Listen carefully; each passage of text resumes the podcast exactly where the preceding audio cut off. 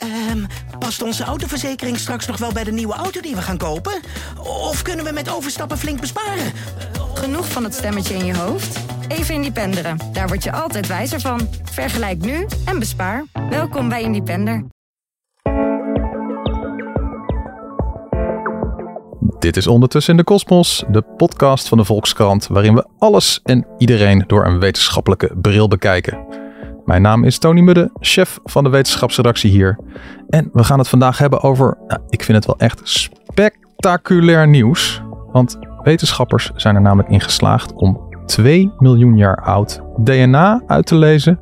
Om zo te reconstrueren hoe de wereld er toen uit moet hebben gezien. 2 miljoen jaar geleden, dat is echt heel lang. En heel specifiek, het stukje van de wereld is Groenland. En dat is ook niet zonder reden, want daar is ook iets bijzonders aan de hand. Ik ga het erover hebben met Maarten Keulemans, die erover schreef voor de Volkskrant. Maarten, even voor mijn gevoel, 100 jaar geleden kan ik me iets bij voorstellen. 2000 jaar geleden denk ik van ja, oké, Jezus, houten wielen, karren, eh, dat zie ik dan voor me. maar nu, 2 miljoen jaar geleden. Ja, hè, dan moet je nog naar 20.000 uh, jaar geleden wordt het al ingewikkeld. 200.000 jaar geleden en dit Ja. is 2 miljoen jaar geleden. Ja, dat is echt, dit is echt eh, knetter diep in de prehistorie natuurlijk. Liepen er toen überhaupt al mensen op twee benen? Nou, geen, geen gewone mensen zoals jij en ik. Eh, je had wel in Afrika, het was een beetje de tijd dat de Homo erectus opkwam. Dat is echt de klassieke oermens met een beetje dat, dat platte voorhoofd en die, eh, die eh, kleine kin en de, het wijkende voorhoofd en de grote wenkbrauwen.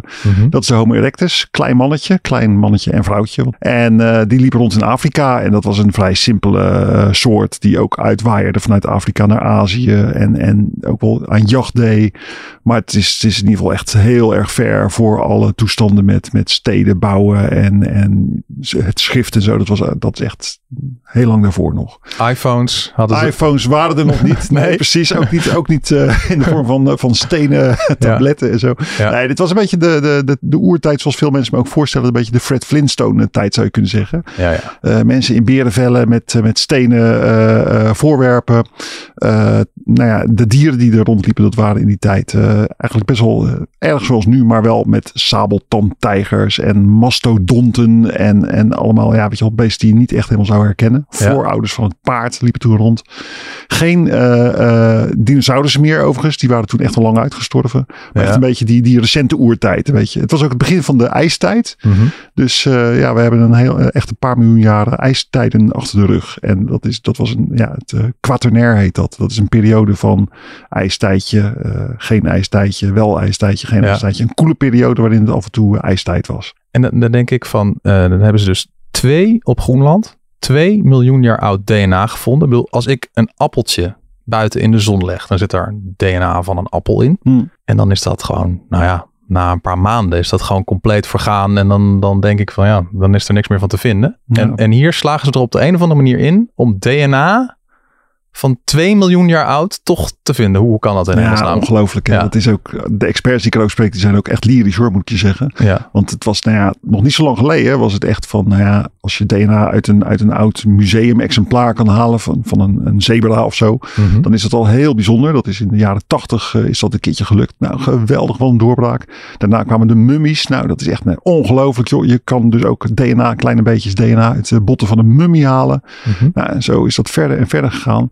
Maar op een gegeven moment bleef men toch wel een beetje steken zo bij nou ja, enkele honderdduizenden jaren geleden. Dat is al heel bijzonder. Het is toen een keer gelukt met een, een diepgevroren mammoet. Die hebben ze uit het bot, uit, sorry niet uit het bot, maar uit een kies van die mammoet. Hebben ze ook DNA gehaald. En dat was wel iets, iets ouder dan een miljoen jaar. Nou, Want daar blijft het dan blijkbaar goed in bewaard. Ja, ja in, daar zit in het- zo'n kies. ja.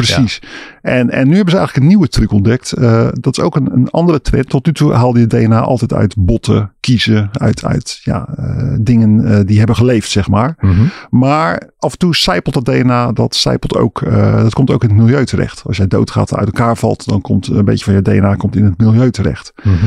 En wat wil nou het geval? Dat DNA kan dan ook gaan vastbinden aan, aan gesteentes.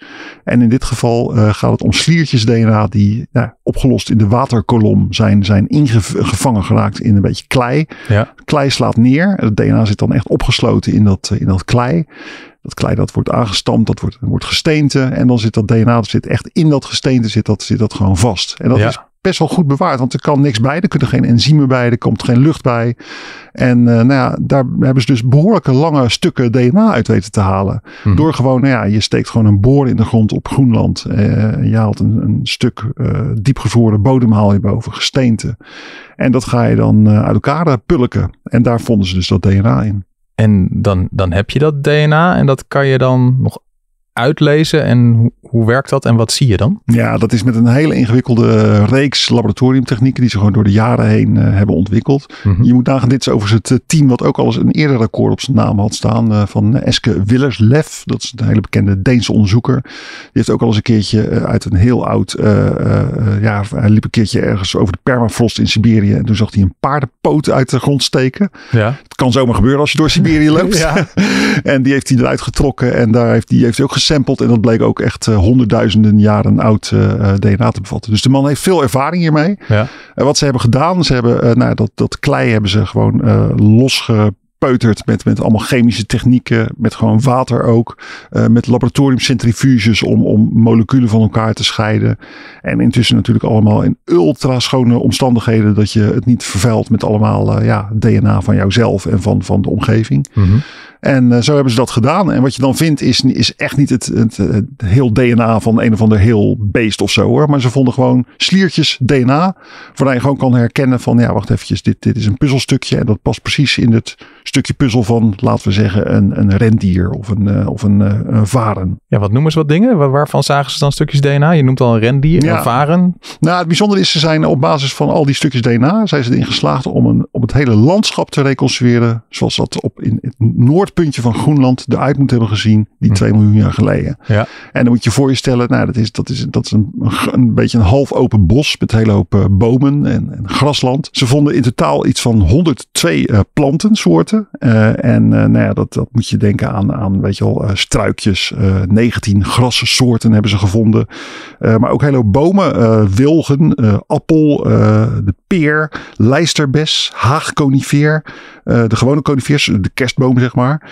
populieren, allemaal dat soort bomen vonden ze daar. Ja. En heel veel struikgewas. Heidestruiken, plantjes, dingetjes die daar gewoon groeiden en bloeiden. Uh, en daarnaast vonden ze ook een aantal van een aantal dieren het DNA. En dan moet je dus denken aan, nou ja, uiteenlopend van, van hazen, mieren, vlooien, ganzen. De rotgans vonden ze terug. Mm-hmm. maar ook heel opmerkelijk een mastodon. dat is een, een soort oerolifant. Een beetje Ja. een klein modelletje olifant. nou ja, oerherten, lemmings, degenkrabben, koralen. Dus echt een complete dierentuin vind je dan terug. En, en wat ik me afvraag, is het dan zo dat ze dat onderzoekers eerder al hele skeletten van zo'n mastodont, zo'n oerolifant hadden gevonden en dat dit dan een soort DNA-bevestiging is? Of wisten ze überhaupt niet dat daar ooit mastodont hadden rondgelopen en is dit dan het eerste bewijs? Nou, dat is een hele goede vraag. Ik heb dat ook uh, nog even zelfs nagevraagd bij die onderzoekers. Ik dacht van ja, hoe kan je nou ineens een olifant hier vinden en die nog nooit, als je iets toch vindt als archeoloog, is het wel een olifant, hè, zou je zeggen. Vrij groot. Vrij groot. Die ja. laat aardige botten achter. Ja. Maar wat blijkt nou, ja, daar op Groenland, op het noorden van Groenland hebben we het over. Hè. De, de, de grond is daar stijf bevroren. Het is daar een en al gesteente. Dus het is niet een plek waar ze zeg maar uh, met een schep gaan, gaan graven. Het is, het is echt een plek waar je onderzoek doet met boorkolommen in de grond. Ja. En ze hebben daar dus, die botten zullen ongetwijfeld daar wel ergens diep in de grond zitten. Maar dat zit dan tientallen meters diep. En daar, ja, daar ga je gewoon niet als archeoloog uh, zitten In bevroren grond ook nog. Precies. Ja. Maar het leuke was wel dat ze hebben wel gewoon kunnen bevestigen van een aantal van die planten. Die kennen ze dan weer wel als fossielen. Uh, Ja. Iets van een stuk of veertig van die planten die ze die vonden, die hebben ze ook teruggevonden als fossielen. Ja. Dus dat bewijst wel dat wat ze hebben gevonden, dat het ook echt wel daar rondliep en rondsprong en groeide en vloog en fladderde. Ja, dus dat aan de ene kant zagen ze van, hé, hey, we zien die DNA-puzzelstukjes ook nog eens van dingen waarvan we zeker weten dat die hier ooit waren. Want daar hebben we al fossielen van gevonden. Plus nog DNA van allemaal andere soorten. Waarvan je zegt van nou oké, die techniek werkt blijkbaar. Precies. Maar die andere soorten daar hebben we dan nog geen fossielen van gevonden. Maar ja, dat DNA ligt er nu eenmaal. En Ja. we weten 100% zeker dat het van zo'n oerolifant Ja, geweest precies. moet zijn. Je vindt Ja. gewoon echt, ja, weet je, het zijn gewoon de vingerafdrukken van die, die beesten die daar dus ooit hebben rondgelopen. En eh, ja, eh, bizar, want ze hebben dus ook, nou ja, ze hebben dus ook een, zo'n, zo'n kunstenaar ingehuurd die dan zo'n plaatje van heeft gemaakt. Zo'n mooi schilderij van hoe het er toen uit moet hebben gezien. Ja. En het is toch wel fascinerend hoor. Dan zie je echt zo'n zo'n wereld die daar nu al lang niet meer is. En met allemaal, nou ja, goed, allemaal dieren die daar heen en weer lopen. En vogels die overvliegen. En bomen die groeien en bloempjes. Terwijl het nu gewoon één kale ijsvlakte is. Ja, En wij werken bij een, bij een nieuwskrant. En dan is altijd de eerste vraag: zo, wat, uh, het is vaak de vraag: zo van, hebben we er voor nu ook nog iets aan? Weet ja, je wel? zeker, zeker. Nou, Uh, dat, dat en is, en is, is dit alleen maar leuk om te weten hoe het 2 miljoen jaar geleden was? Of nee, het is ook echt wel heel interessant voor, voor nu. En dan heb je het met name op het, over het begrip van, van hoe klimaatverandering eigenlijk werkt. Kijk, je Mhm. moet nagaan, eh, destijds, hè, we hebben het hier over echt het noorden van Groenland, hè, echt in de Poolcirkel. ja. En toch was het daar destijds, nou ja, er groeide dus van alles. Eh, Ik bedoel, er groeiden boompjes en bloempjes en, en dus de hupte hazen heen en weer. ja. En dat nog maar 2 miljoen jaar geleden. 2 miljoen jaar geleden was het iets warmer dan nu, maar niet zo heel veel warmer. Het was inderdaad wel een graad of 2 warmer. Dat is wel de temperatuur waar wij op afgaan. 2 graden warmer. Ja, ja, maar weet je. Gemiddeld over de hele planeet. dat is gemiddeld over de hele Ja, planeet. En daar zit de truc. Want je ziet, er is in, de, in de klimaatwetenschap is, is er een verschijnsel dat heet de, de polaire amplificatie. Met een duur woord. Mhm. Warmte die gaat altijd veel harder aan de polen. Omdat de polen van nature al kouder zijn. Daardoor warmt het daar eh, wat, wat sneller op. En ook omdat als, eh, als de polen beginnen op te warmen, dan verdwijnt het ijs en verdwijnt de sneeuw. En, en eh, ja, dan worden de vlaktes die eerst wit zijn die, en de zon weer kaatsen, die worden dan gewoon, ja, die, die houden het zonlicht meer beter vast, want ze worden donkerder. Ja, ja, Daardoor ja. gaat die opwarming nog sneller. Alsof en je ineens in de zomer dat effect van dat je in plaats van een wit t-shirt een zwart t-shirt aantrekt. Precies, dat het dan echt veel warmer aanvoelt. Inderdaad. En, en dat effect, dat zie je daar heel sterk. En dat bleek dus ook in die tijd was het gewoon 11 tot 19 graden warmer op, eh, op Groenland, in het noorden van Groenland. 11 tot 19 graden. Ja, maar dus zoveel was- warmer gaat het niet worden daar, toch? Nou, de eh, als we deze, als we die, de, het gaat, eh, op het moment gaat het aan de polen iets van drie keer zo snel als gemiddeld de opwarming. Dus dat kan best wel eens gewoon die kant op gaan. En eh, het verschilt ja. per plek. Hè. Je hebt natuurlijk eh, op boven land gaat het harder dan boven zee. Allemaal dat soort effecten heb je Mhm. ook nog eens een keertje. Dus dit laat gewoon zien dat ook met een klein beetje opwarming van de aarde. dat je daar toch wel een heel ander landschap eh, krijgt. En tegelijkertijd, nou ja, dat is aan de ene kant een beetje het, het, ja, het angstige nieuws, zo, je, zo je wilt. Maar het goede nieuws is wel, ik sprak ook ja, Thijs van Kolfschoten, een hoogleraar archeologie uit Leiden. En die zei van ja, het is wel heel opmerkelijk dat er in die tijd gewoon ook olifanten liepen.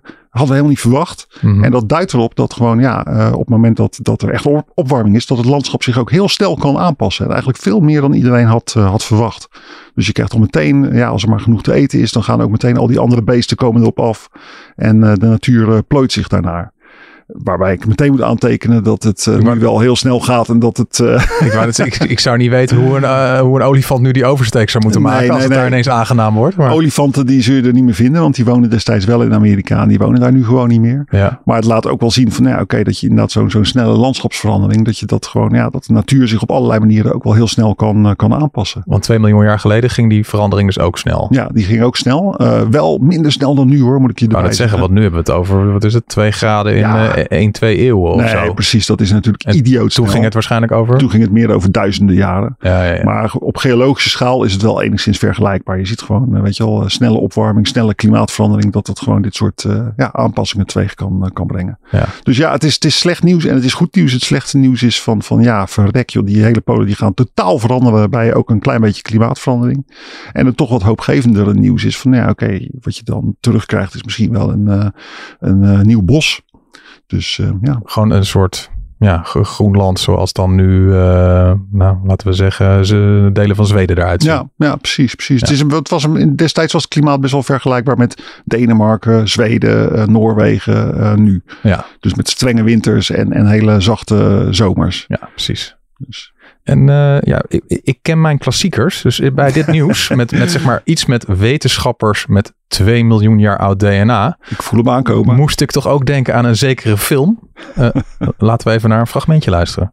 until Jurassic Park scientists came along. Using sophisticated techniques, they extract the preserved blood from the mosquito and bingo, dino DNA. Gaaf. Het is een eh, scène uit de klassieker Jurassic Park. En wat daarin gebeurt is eh, dat dan ooit een mug een dinosaurus heeft gebeten. Daar wat bloed uit heeft getrokken. Dan is die mug, die is dan vastkomen. Er zit in een of ander ambersteentje. Waardoor dat bloed met dat dino-DNA bewaard is in die mug. En dan halen wetenschappers, die halen dat bloed weer uit die mug. En die hebben dan dino-DNA. En die wekken dan al die dino's tot leven. Eh, Luisteraars, hij zit er ook bij te gebaren als een klein kind. Hij wordt hier helemaal enthousiast van. eh, En dan dacht ik altijd, ja hoor, hè, totale science fiction. Maar ja, dan denk ik bij zo'n nieuwsbericht van vandaag, 2 miljoen jaar oud DNA eh, gevonden door wetenschappers en ze kunnen het uitlezen. Is Jurassic Park toch weer een stapje dichterbij gekomen? Nou, was het maar waar. Eh, Nee. Nee. Ik moet je daar toch in teleurstellen. Pammer. Die dinosaurussen leefden veel langer geleden. 67 miljoen jaar. Nou, dat is nogal weer een, eh, weer een aantal geologische tijdpakken, eh, tijdvakken verder in het verleden. Ja. En eh, wat, wat meer een probleem is, dat DNA, dat is echt, dat valt meteen uit elkaar. En je, wat ze hier ook hebben gevonden, zijn gewoon losse fragmentjes. En je kunt Mhm. het een beetje vergelijken met dat je loopt over straat en je vindt dan een, eh, nou, gedeelte uit een woordenboek, Chinees woordenboek. Ja. Je gaat erop studeren en nou, god, dan, dan ken je een aantal Chinese woorden. En dan, dat je dan de illusie hebt dat je daarmee je wel kunt, kunt redden in de Chinese maatschappij. Ja, ja, ja. Nee, dat, dat werkt niet helemaal zo. Daarmee ben je nog geen eh, Chinees geworden, zeg maar. Je, je loopt er tegenaan dat eh, zelfs al zou je dat complete DNA hebben. eh, nou ja, met allemaal stukjes aan elkaar leggen, zou je misschien nog wel eens een keertje een eind kunnen komen. Een Neandertaler DNA is dat bijvoorbeeld meegelukt. Mhm. Maar dan nog, ja, dan moet je nog een cel hebben. Je moet weten hoe dat DNA staat afgesteld. Met, met, dat heet dan met een moeilijk woord epigenetica. Zitten in, in de werkelijkheid zitten allemaal molecuultjes zitten op het DNA. Die zijn het aan het, aan het inregelen eigenlijk de hele tijd. Mhm. Nou, die ben je kwijt. Eh, ja, en je moet eh, natuurlijk ook nog eens een keertje, dan heb je dat DNA, en dan moet je nog eens een keertje daar een kloon van zien te maken. En een, daar heb je een draagmoeder nodig. Nou ja, ik eh, vind niet zo snel hier een eh, vrouwtjes eh, dinosaurus die, dat, die dat zou willen doen. Dus dat, is, dat zijn allemaal al ontzettend praktische problemen waar je tegenaan loopt. Oké, oké. Dus di- dino's tot leven wekken gaat niet lukken. Maar en, en ik moet nog één Ja. dingetje aan toevoegen. Het heeft ook nog te maken, de omgeving heb je ook nog. Hè? Want stel nou dat het lukt om zo'n dino tot leven te wekken. Mhm. Ja, dan is er geen andere dino die hem opvoedt. Die de dinosaurus gewoontes aan zo'n beest leert. Er is geen, geen hoge boom waar die dino aan kan leren van, van ja, hoe je hoge blaadjes plukt. De omgeving is weg. En de omgeving bepaalt waar. heel veel van hoe jij eh, wordt. je ontwikkelt als dier. Ja, precies. En eh, nou las ik in New Scientist dat wetenschappers een 48.000 jaar oud virus Ja, uit de Siberische permafrost hebben gevonden. ja, Om die vervolgens in het lab weer te vermenigvuldigen. ja, ja. Niet zomaar eentje, maar zelfs negen stuks hebben ze gevonden. Dat, dat, Oké, ja, dat is geen dino's tot leven wekken, maar dat is een 48.000 jaar oud virus tot leven Ja, wekken. Dat ja. klinkt wel weer ook behoorlijk science fiction. Ja, klopt. Komt in de buurt. Eh, wat ze in dit geval hebben gedaan. De Franse eh, onderzoekers. Die hebben gewoon bodemsedimenten genomen uit de permafrost. Dus, dus Mhm. oude laagjes eh, eh, grond. Mhm. En dat hebben ze in het lab hebben ze dat in aanraking gebracht met, eh, met amoebus. Je moet denken, virussen denken wij meteen aan het coronavirus en aan het griepvirus. Gewoon Wat is een amoeba ook alweer? Dat is zo'n klein eencellig beestje wat, wat Oh, ja. eh, onzichtbaar klein en het leeft in het water. Ja. Dat moet je eigenlijk eh, ervan weten. Ja. Virussen denken we altijd aan, aan die, die dingen die mensen besmetten. eh, griepvirussen, Mhm. coronavirussen. Maar ja, er zijn ook diervirussen en er zijn ook, ook virussen die bacteriën zelfs besmetten. En ook amoebus kunnen worden besmet door virussen. Ja. En zij zijn dus speciaal op zoek gegaan naar van nou zijn er nou in dat, in dat oude laagje permafrost zitten daar nou toevallig ook nog virussen die die amoebus kunnen besmetten. Dus ze hebben gewoon die, die, die permafrost, simpel gezegd, met die eh, hebben ze ontdooid en bij amoebus in een bakje gegooid. En ze zijn gaan kijken van raken die amoebus nou eh, besmet met virussen. En dat bleek inderdaad eh, te gebeuren. Eh, zo, eh, door in totaal negen virussen hebben ze zo aangetoond. Ja. Die dus kennelijk weer door het ontdooien van die permafrost tot leven kwamen. En doodleuk die amoebus gingen besmetten. En dan moet je niet denken aan meteen horrorvirussen zoals, weet je al, Mhm. inderdaad een nieuwe pandemische griep of zo. Maar dit waren Pandora-virussen. speciaal gespecialiseerde virussen die alleen amoebus kunnen aanvallen.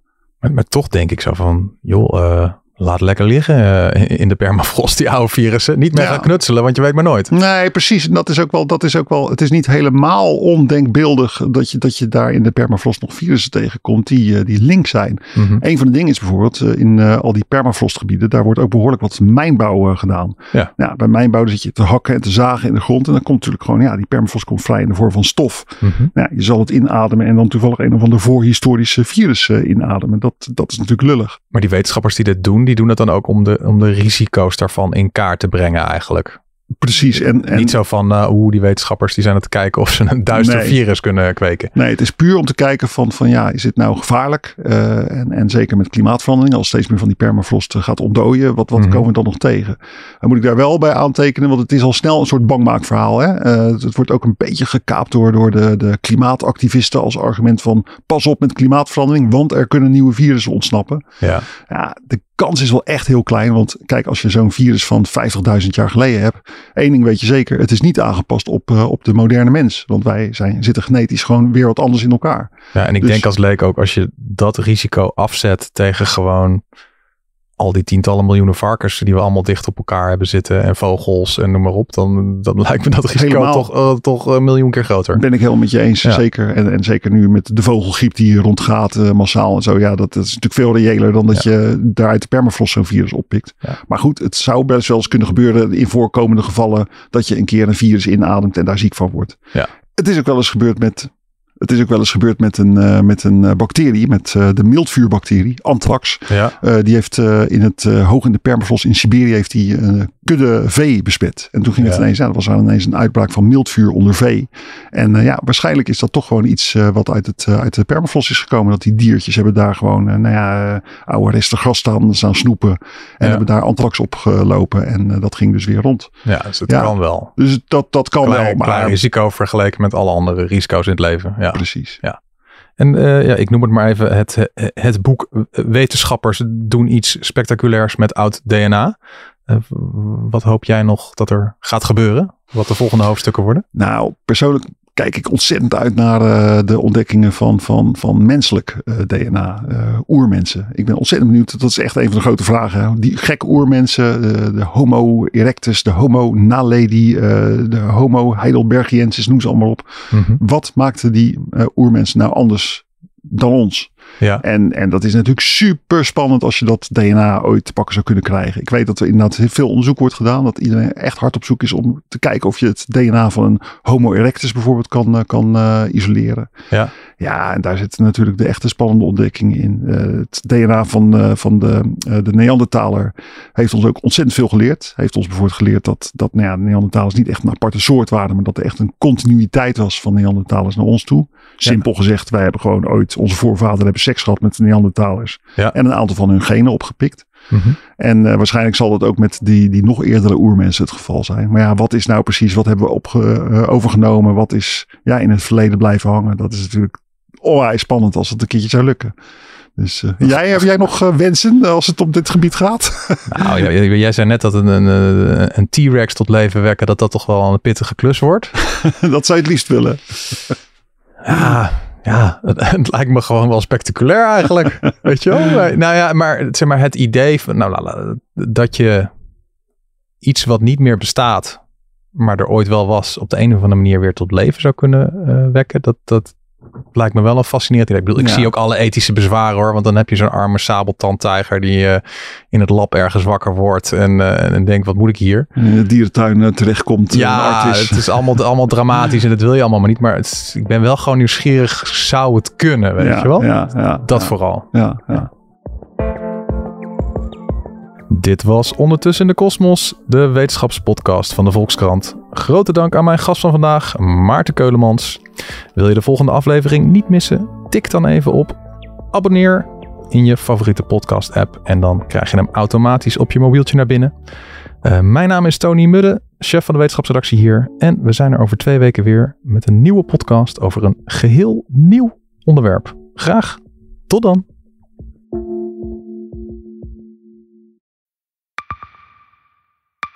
Zijn leven is overhoop gegooid. Plus dat heel veel mensen hem niet geloven. Vrienden niet, die, die denken, ja, hij is gewoon gek geworden. Hoe naar moet dat zijn? Als je vertelt over de meest indringende ervaring uit jouw leven en niemand gelooft dat je het echt hebt meegemaakt. Ja, ik vind zelf niet dat ik het verzonnen heb, maar sommige mensen denken dat wel. Maar hoe kom je erachter of jij het doelwit bent van een geheime dienst? Ik heb ook wel eens meegemaakt dat je het idee hebt dat inlichtingendiensten in je geïnteresseerd zijn. En dan kun je wel heel veel zien, wat er misschien helemaal niet is. Als ik s'avonds nog iets ging eten, dan volgden die mensen mij naar het restaurant. En dan terug van het restaurant naar het hotel. Als zij op een gegeven moment zei, kijk maar uit, want anders word je dadelijk nog ontvoerd ook. Shit, ik moet hier weg. Dat is, is niet goed. Nu word ik gevolgd. Een soort Truman Show is het gewoon. Hè? Alsof dat hele straatbeeld voor jou is ingericht. Maar dan wel met bedoeling jou, jou niet door te laten. Dit kan geen toeval zijn. Een nieuwe podcast van de Volkskrant. Mijn naam is Simone Eleveld en samen met Huid Modderkolk ontrafel ik een bizarre operatie van de geheime dienst.